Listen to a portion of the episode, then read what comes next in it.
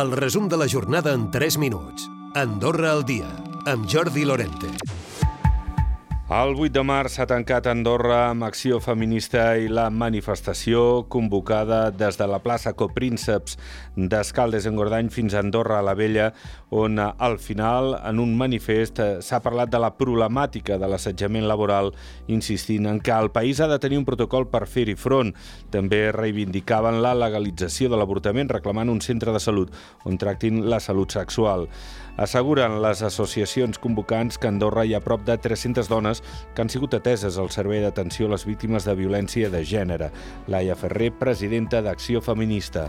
A Andorra, pel que fa a l'assetjament laboral, no tenim dades, Ara mateix sí que les dones que es troben amb casos d'assetjament laboral no saben a on han d'anar, qui les pot ajudar i per això hem fet no, aquests diversos actes que hem fet, per això ho reivindiquem al manifest, que recordi que en aquesta llei que hem treballat ja s'estableixen determinats protocols.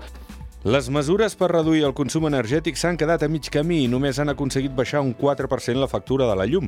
És un percentatge relativament baix que, si més no, han destensat les finances de FEDA. L'actual situació als mercats energètics europeus i el fet que no hi ha una tensió excessiva a la xarxa fa que el govern doncs, no prorrogui el decret.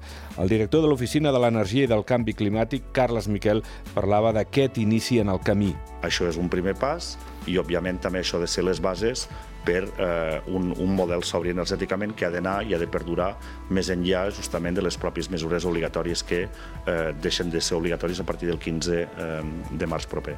Les mesures d'estalvi energètic obligatòries finalitzaran el pròxim dimecres, dia 15.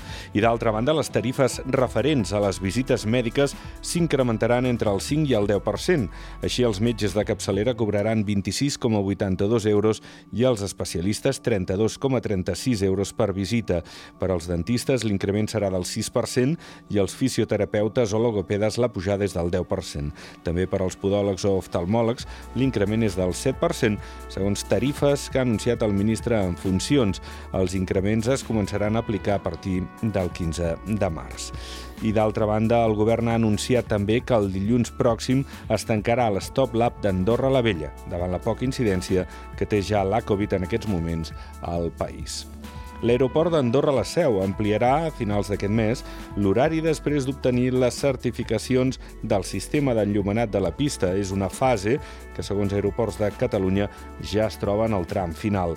Tot plegat permetrà des d'ara operar ja vols nocturns de manera immediata. Correspondrà, això sí, a Air Nostrum decidir si es varien els horaris actuals dels vols regulars a Madrid condicionats per la llum natural. Recupera el resum de la jornada cada dia a AndorraDifusió.d i a les plataformes de podcast.